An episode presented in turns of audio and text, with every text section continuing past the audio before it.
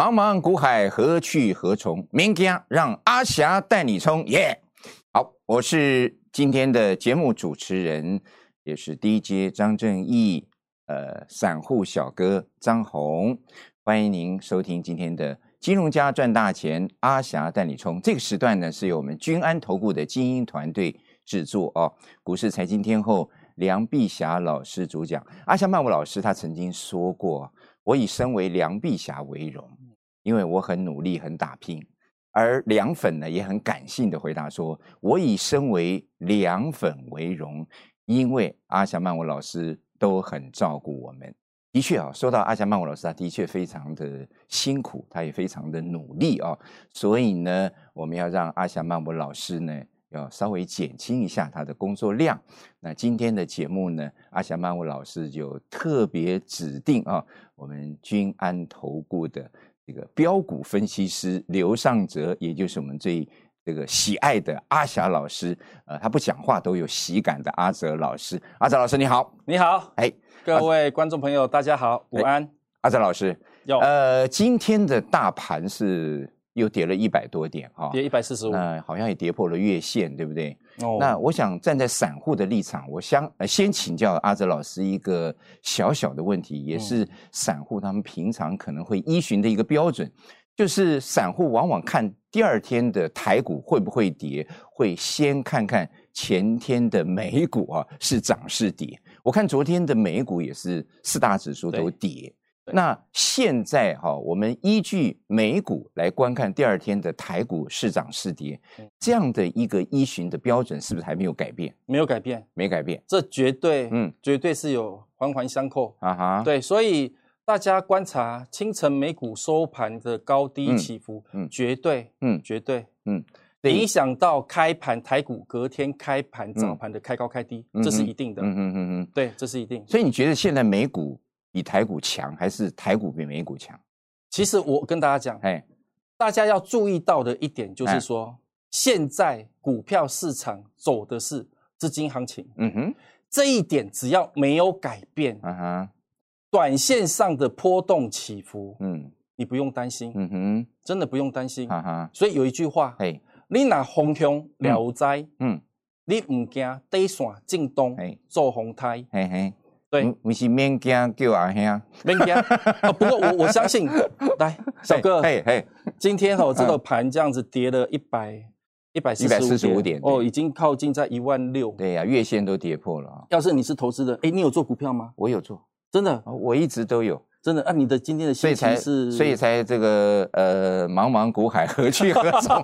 这这是散户的心声，真的。所以跟着阿霞曼舞老师做，还有跟着阿哲老师做，应该会比较宽心所以这边有很鲜明的一个对比啊，这边是散户的代表小哥，散户小哥，对啊，对对对，我们这边是专业操盘人，是是是，对，所以。小哥有什么问题，我就尽量请教。没问没问题，直接问。OK，你今天的心情情绪怎么样？今天情绪当然下跌的话，这个心情难免会不好。像我今天赶着来上节目就摔了一跤，真的哦。那这样，小哥，你代表所有的观众，我们大家先来让大呃，我们先来大家开心一下。对对，我想先来轻松唱首歌。阿哲老师说：“哎，今天大盘跌了一百多点，所以啊，他要唱一首歌。”呃，让这个所有的散户啊，特别是散户投资朋友轻松一下，让心稍微宽一点，免惊啊，因为他要救阿兄啊，叫阿兄，来来来 来，开始吧。你的温柔，你的可爱，你的美丽，你的风采，和我对努力无比的真爱。耶！其实其实这个阿哲老师是非常幽默风趣的一位老师啊。那也是这个，嗯，我们君安投顾的这个阿霞曼谷老师特别倚重的一位分析老师啊。因为阿霞曼谷老师昨天在节目当中也说嘛，呃，他的节目其实很少请其他的老师来上。那这个阿哲老师是这个真的少数中的少数啊，啊，几乎就是第一位来上我们节目当中的这个分析老师啊。所以，呃，阿哲老师，我想请教您。您本身是也是科技人，对不对？是。哦，你台北科技大学毕业，没错。那你也这个，我记得在昨天的节目当中，因为昨天是跟阿霞曼姆老师我们三个一起主持哈，那有这个凉粉就留言说，其实阿哲老师是非常贴心的一位老师，因为他其实每天呃工作的时间很长，有的时候哈待在公司都留到很晚，那当然他也都为这个。特别是小散的朋友啊，服务是非常周到的。我想请教阿哲老师，就是说，在你呃居安投顾服务这段期间哦，当然你也接触到很多 像这个散户的投资朋友。你昨天的节目当中也分析说，散户投资朋友最容易犯的两个错误嘛，对，第一个就是不设停损，第二个就是明知道是错，那又没有办法改过来。没错，哦，那呃。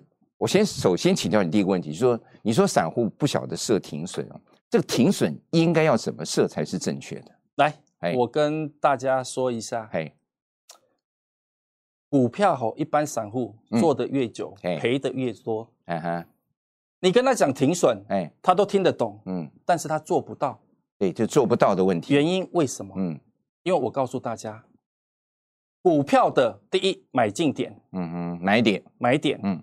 以及卖点，卖点中间的加码点，嗯哼，以及不对的时候停损点，停损点。我告诉大家，哎，这四个点都很重要的，每个点嗯都很重要，都跟进场点一样重要。嗯哼哼哼哼哼。之所以散户没有办法决定或拿捏该不该停损，嘿，问题是他不知道停损下去之后是对还是错。啊哈！我举个例子，好，散户常常有这个样子的经验，是说，嗯，阿哲老师，我嘛知呀，唔丢的西尊，我被给他斩掉，嗯，我不能留，哎，但是偏偏他的一个结果是，我把它卖掉之后，嗯嗯，他就直接喷了，嗯，对，也也有这种状况，常常，没错，他觉得说这张股票跟他作对，嗯嗯嗯嗯，对，那所以你看哦，所以养成他的一个习惯，你的意思是说？他不卖的时候，这股票就就一直跌。他一直他一卖哦，对，他一卖的时候，这股票开始飙了。啊，对，他很奇怪。哎，这个真是让散户这个气得吐血，真的真的。我跟你讲，每个人我相信都会有，都会碰到这种，我也碰到过这种状况。所以你到最后，他觉得说，那我就不跟他停损啊哈，我就跟他拼啊，就跟他拼啊，我跟他拼了嘛。反正我用时间换空间，我跟他拼，你是一戏我挖戏呀。啊哈，通常我跟你讲，都是散户投资人，结果都不太好，就是被套牢在那边的。对，所以我这边讲一句话。股票单解套，哎，做对单高号，嗯哼，不要不要等解套，嗯哼。那我要告诉大家怎么做。对我的意思说，呃，如果这只股票，当然买点、卖点，还有你说中间的加码点，对，以及最后的停损点，这四个点都很重要哈。嗯，呃，当然，首先我们要注重这个买点嘛，对，当然是买的越低越安全越好。那卖点的部分，当然就是可能。以我散户的这个标准来看，就是说，可能有些股票，比方说量很大，然后又留长黑的时候，那个时候当天应该就是一个卖点了，对不对？呃，不能只是以单一这样子说，啊用量以及说用 K 线来做判断，这个都是太细微了。第一，一定是顺着趋势；是第二，买底部。嗯哼，你讲你都知道，但是。底部买下去之后是要做主流，嗯嗯，每一档股票的布局，哎，不是只是说看到它的一个买进点信号出现之后你就买，不错，嗯哼，还要来做它的 EPS 以及未来目标价本益比的一个预估，嗯哼，所以你才会知道说进出有据，嗯，你这档股票假设说你买进在五十块，嘿，你的预计获利空间要多少？嗯，就预估你在进场的时候你就要了解了，而不是说进场之后。投机运气不错，赚个两三块、三五块，嗯，也很开心，自己会走，嗯，对，会走，走了之后他又继续喷，嗯，追不回来，嗯，所以我要告诉大家，我看到一个现象是，散户常常站在宝山上，嗯，而不自觉，嗯哼，股票卖掉后立刻后悔，嗯。嗯，为什么？我要说的是，反映的是你曾经都买过标股，对，但是你没有赚过大钱，对，真的。你说台积电你也有买过，嗯，联电你也有买过，嗯嗯，旺宏、哦国巨、环球金，可能你都接触过，嗯嗯，但是你有没有像我们一样做一个大波段，嗯，哎，这个是不容易的。哎，我觉得就是跟散户的操作差别。哎，就在想说这一点，这个专业的分析师跟散户最大差别就是，散户可能往往在那个主升段要起来要喷的时候，就会先把股票给卖掉。嗯，没错。然后后悔的要死，喷的那一段就看着别人赚。对。那呃，昨天阿香茂老师也有说嘛，啊，就是带进带出，然后赚整个波段，而且是赚最好赚的那一段。没错。我想很多散户。朋友可能就是没有办法分辨什么是最好赚的那一段，那个最好赚的那一段出现之前，到底会有哪些迹象来判断？我想这个也很重要，对不对？来，所以第一，哎，我现在要帮大家解决的一个问题，我知道大家今天心情可能比较不入，对，啊哪一惊嘞？嗯，叫阿兄，叫阿兄，不要，卡单位你来，你知道七七零一八八九八，锤阿兄，哎，你锤阿兄，所以我要告诉大家。如果你在之前的高点，嗯，台股高点有一些主流的标的，嗯，或者是你手上的股票，对，你没走，你今天的情绪相对跟空手的，对，的心情情情境一定完全不一样。对对对对。那我要告诉你怎么办？嗯，我要解决你的问题。嗯嗯。如果我现在在叫你走，有些听得下去，嗯，也斩掉。嗯哼。那你讲老师？我拢博下济料啊摘啊，你给我斩掉。嗯哼，啊料呢？第一，我给你一个观念，少赔就是赚。这个趋势还是做多，没有问题。但是中间的价差点，你不要从高点又报到低点，从低点再等上来，那个时间就是金钱，你就浪费掉了。了解了解这个。所以有些股票，如果说你够理性，嗯。你没有因为你的情绪而绑架你的理性跟行为的话，嗯，阿哲老师，你打电话进来，嗯，直接加入阿哲老师的赖，嗯哼，股票赖出来，阿哲老师会跟你讲进出节奏，嗯哼哼哼。如果你听得懂，你可以先走一趟，低点我们再接，嗯，我们看的是整体的投资绩效，你的获利速度，我跟你讲，你绝对会笑。但是如果说阿里这么秋桃，嘿，对吧？小哥利叫你卖，你舍不得卖，对对，那怎么办？哎哎，那没关系。我要你把讯息留下来，股票留下来。嗯嗯嗯。我底部出现的时候，你这些手上的标的底部出现，嗯哼，我再通知你加码一次。啊，这是第二个处理的方法。是是是是。对，所有的散户，很多的散户大致上都会选择第二。我相信。对，所以阿哲老师说，对，那不难嘛。嗯，我能够知道。股票的起涨点、嗯，卖出点，你相对这些套牢的股票，我只要看到它底部现象出现，讯息出现的时候，我再提，请你再加码买一次。嗯，行情一上来，我跟你讲，你整个人活过来。嗯嗯嗯嗯，就是把以前套牢的整个都赚回来了，就对了。对对。所以市场没有没有办法解决的标的股票，OK，只有不专业的散户。没错没错。对，用等解套。好。好，我们非常谢谢阿哲老师这段专业的分析哈。好，我们来进一段工商服务啊。其实今天的节目啊，是呃刘尚哲，又是也就是我们君安投顾的阿哲老师来代班当主讲人啊。那么阿哲老师的这个选股哲学，刚才我们也听得非常清楚啊。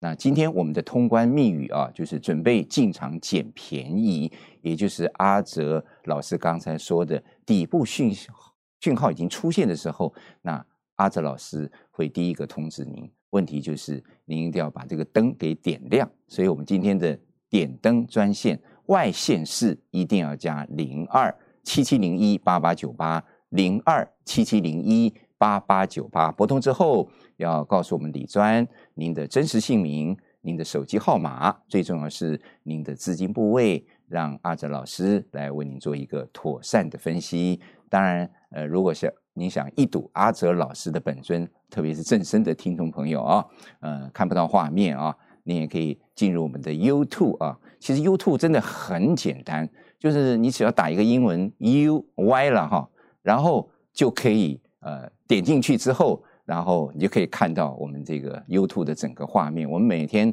这个现场播出之后都有留存啊，所以你什么时候看都可以，非常非常的方便啊。所以呃，最重要的当然是要拨通我们的工商服务专线，外线是加零二七七零一八八九八零二七七零一八八九八。当然也欢迎加入我们的 Line Eight 小老鼠零二七七零一八八九八。UP 啊，UP 啊，up 哦，哎，up 就是 up，不是 cup 哦，哎哎，UP 的英文就是 UP up 的意思啊。那也就是我们阿哲老师的 Line Eight 啊，这两个途径都非常欢迎您。有任何的问题，我想阿哲老师都会非常热心的为您服务。呃，一如他这几年为所有的这个小资朋友或者是这个大资朋友啊，都都会服务啊。我想阿阿哲老师他服服务的范围也非常广泛啊，呃。但是只要是我们君安投顾的这个客户的话，阿泽老师都会一本初衷，非常热心、非常专业的为您来做服务。重点是拨通我们的工商服务专线，我再报一次，外线是加零二七七零一八八九八。好，我们回到节目当中来，我们因为时间的关系，节目先进行到这边，我们休息片刻，待会儿再回到节目现场，不要走开哦。君安操盘小组标股实战技术分析课程。带您挖掘最强标股，找出致富契机。四月十三号礼拜二，四月二十九号礼拜四晚上六点三十分热烈开讲。中南部可以参加报名视讯直播连线，全球同步观看。报名专线零二七七零一八八九八零二七七零一八八九八。君安投顾一零九金管投顾新字第零一九号。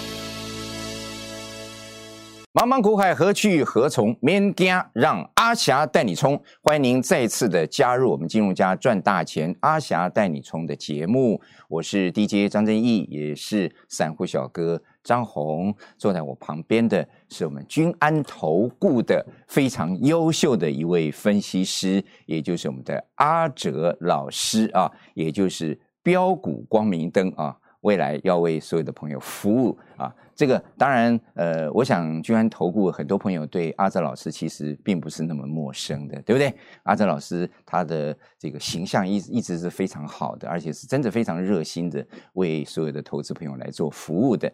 呃，您如果要打过电话的话，应该也听过阿泽老师的声音，对不对？阿泽老师，没错。OK，好，那我这个下半段节目一开始，我跟所有的投资朋友这个分享一则。笑话，来来来，讲个笑话，笑话，让我们大家开心因为我不能说这个笑话很短，因为啊，那个曼文老师说，男人不能讲短，还好只是笑话而已。不能短。哎，有一对 夫妻不能说不行。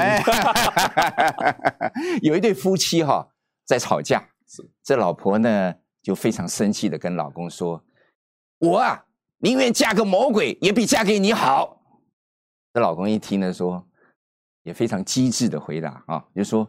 嘿嘿，那可不一定哦。哦，你嫁不了魔鬼，你知道吗？因为我们的法律规定，近亲不能结婚。厉害吧，这个老公？他也是魔鬼，对呀，对呀。所以近亲不能结婚啊。OK，我想夫妻之间的对话有时候也蛮有趣的，嗯，就是幽默以对了啊。对，好，提供所有的这个投资朋友做参考。因为今天大盘跌了一百四十五点，嗯，我想很多呃，这个特别是散户投资朋友啊。今天心情可能不太好，而且，呃，我们常讲，就是说，这个大盘这个跌很多的时候，也就是散户朋友最惊的喜尊哦。那个，我想请教呃阿泽老师，就是散户在这个低档的时候，他们当然会惊惊啊。那这个时候是不是也会丧失很多宝贵的买股的机会，逢低买进的机会？当然，当然。我先说一下哈，散户有没有大家研究去讨论一下？啊散户为什么几乎百分之九十九十九都赔钱？是，对，散户赔钱的多，你会觉得很怪。对呀，你所看到，我我相信你买股票的时候，在当下也都会觉得这是最强、最最有题材。嗯嗯嗯嗯，节目大家都在讲，对，都是最好的标的。对，但是为什么？嗯，到最后的结果，嗯，都是好，都是赔钱。是不是这个有一句话说？这个魔鬼都藏在细节里面，因为细节没有做好，是不是？我直接说一下，上帝在创造人这个物种的时候，记住基因密码里面啊所设定的投资啊，就是赔钱啊？为什么？真的啊？你你想一下，你设想一下，那赔钱为什么还要做股票？是，所以我要说啊，你设想一下，如果大家都是投资专家、投资天才，嗯，每个人都可以靠投资赚钱的话，那这个社会还有一些。基础建设的工作或者研发或什么，还有人要去做吗？没有人做了，没有人做啊！如果做股票那么好赚钱的话，对不对？哎，我每天在家里看看盘，按按电脑，哎，投资这家公司，投资那家公司，就能赚到钱。对，那你想，如果投资是件这么简单的事情，绝大部分都可以赚到钱，靠自己来做都可以赚到钱的话，对，那这个社会上就毁灭了。哎，真的有道理。所以我也听说，好像做股票这个赚钱的是少数，哈，是一个金字塔，对不对？越往上赚钱的越少，大概不到两成，还是一成。哦，更低更低更低吗？还是还是只有只有这五趴？可能只有五趴，或是更少。长时间累积下来，你会看到那个是真的是凤毛麟角。哇哇哇哇！那这这五趴赚钱的真的是精英中的精英，对，都是很厉害的概念啊。赢者全这些这些赚钱的五趴，它到底是根据哪些原则来操作股票？好，所以会赚钱，这个是重点。嗯，所以我要说哈，其实你说难也不难，嗯哼，也不难。散户有的心态为什么赔钱？第一贪婪，第二恐惧，嗯，第三害怕，嗯。所以我常常在讲，我们人体的基因里面是所设定的。哎，当你被套住，就像你现在，哎，你高点你没有走的标的，嗯，到现在你心情会很不入，对，甚至你会很紧张，尤其很怕一万六会不会跌破，对。所以你的情绪恐慌。已经战胜了你的理智，嗯，以及行为模式，嗯嗯嗯嗯。所以当你的操作，嗯，跟着你的情绪走，哎，我跟你讲，赔钱一定有，嗯哼，赔钱一定有。哦，所以我告诉大家，在这个地方是要做什么？哎，第一，准备捡便宜，准备捡便宜，准备捡便宜。嗯哼，我刚才所讲，散户之所以赔钱，是因为第一，上帝设定的基因密码原本就是输家。所以你要赢家怎么做？嗯，第也不难，嗯，不难哈。我只要说逆人性，嗯哼，我给大家一句话，听得懂，把它记下来。所以逆人性就是逆势操盘吗？逆势，你当你越紧张，嗯，你越惊吓的时尊，我告诉大家，就是越好的发财机会点。哦，所以这个地方是要开心还担心？不是拼命给我阿黑啊，给我阿给我阿黑五号啊，五号啊，阿黑啊，阿黑就是拿哲老师。对啊，但是散户又很特别 啊，你知道吗？他在这个地方他会觉得很害怕，又觉得又高点，尤其是像你现在看其他的。财经媒体，对，他又扮鬼出来吓你，对对，他跟你讲说这个地方什么空头的讯息或什么，一定要做头了，对，可是 怎么办？他担心会下跌，嗯，可是手上的标的又不卖，嗯，不是很矛盾？对，这有点矛盾，对，不是很矛盾，嗯嗯，所以我我要告诉大家，很多散户的模式是更波，哎，更输，哎。你有影，我爱叫你大叔。你知道 大叔，大叔，大叔。有影大叔啊，卡大来大叔专线。今天打电话进来，大叔专线，只有大叔才可以打的。阿姨也可以啊，你要乱找。小哥也可以打了。更叔过来更姨哦，阿牛，你就是那个阿姨哦，阿所以阿姨打电话进来，阿姨专线。对。所以我要告诉大家，今天在这个地方哈，你不用担心。嗯，我要解决你的问题。嗯，如果你手上有高点主流的标的，你没有走。嗯，低点，我再带你买一次。嗯嗯嗯。还有其他你们操作的模式行为，我建议大家修正一下。嗯嗯嗯。因为你自己操作的时间已经这么长这么久了，这么长这么久了，走到现在五年十年还都赔钱。嗯，证明只有一件事是。要去做做稳呀，有了。我们扪心自问嘛，对对，你敢去做股票做稳呀？嗯嗯，不然你今天不会有这样子心情很不入的情形出现。嗯嗯嗯，对，那怎么办？怎么办呢？怎么办呢？逆人性嘛，反过来嘛。对，在这个地方来跟着阿泽老师的团队，哎，一起走，好，一起做。我告诉你，研究安排。进场出场的动作，嗯，我都帮你处理好了。哦。所以我要告诉大家，如果你今天手上有旺宏，嗯，华邦电，嗯，环球金，嗯，哦，稳茂上一波的，或者是玉金光，嗯嗯嗯嗯，对这些股票，我跟你讲，我都最熟悉。嗯，如果你手上这些股票，你在被让它处理，嗯，我给你，来直接在我的 Lite 里面打出来，好。直接把它打出来，阿哲老师会帮你记录下来。好，哎，底部到的时候，我们再通知他一次，再买一次啊。即便不是会员，拢把紧。嗯哼，咱做好人，做好心。是是，你知道，我带你市场变现金。嗯哼，好，都出口成章的。好，那我们的工商服务时间，呃，阿哲老师刚才也诉说了啊，这个就是散户朋友在低档的时候套牢啊，往往心都很慌啊。那如果说散户朋友你做了多年股票，你还是在赔的话，那就表示哈，你自己来操盘的话，可能。有些技巧方面需要这个改进，那怎么改进法呢？当然就做一个正确的抉择。那我们阿哲老师就是一个蛮好的选择啊，因为阿哲老师。呃，他的服务非常亲切，也非常周延，都是一套一套的，就跟他说话一样，都是出口成章。那他救散户的这个方式呢，也是一整套的哦。所以，如果散户投资朋友你现在手中有套牢的股票，当然也可以利用阿哲老师的 Line Eight 啊，告诉是哪一档。他刚才有举了几档股票，我相信很多投资朋友可能上一波都套在这些股票，因为高档你没有出嘛。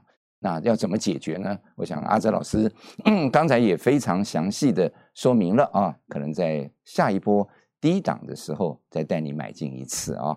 所以重点是您一定要拨通我们的工商服务专线。今天的通关密语是准备进场捡便宜，没错，光明灯盏盏亮，档档赚。我们的专线名称啊，外线是一定要加零二七七零一八八九八零二。七七零一八八九八，光明灯之阿哲老师是专治散户各种疑难杂症，带你股市操作获利平安。我们的小编每天写的这个真的都很有这个嗯非常贴切啊，也都是散户之痛啊。所以散户这个时候，这个包括张红在内啊，我我是散户小哥嘛哈，我想散户的心声我是最了解的。这个时候你还惶惶不安。不知道何去何从的时候，赶快拨通，我们要找到这个呃标股的光明灯。现在标股光明灯帮你点的就是我们的阿哲老师。重点是拨通我们的工商服务专线，我再报一次，外线是一定要加零二七七零一八八九八零二七七零一。八八九八，好，我们再回到节目当中来。阿展老师，我们今天节目时间也差不多了。哎，你还记得昨天那个曼舞老师有有有教您我们的有啊结语的时候要有有有手势哈？来，一、二、三，冲冲冲，做股票，支支涨停板，耶！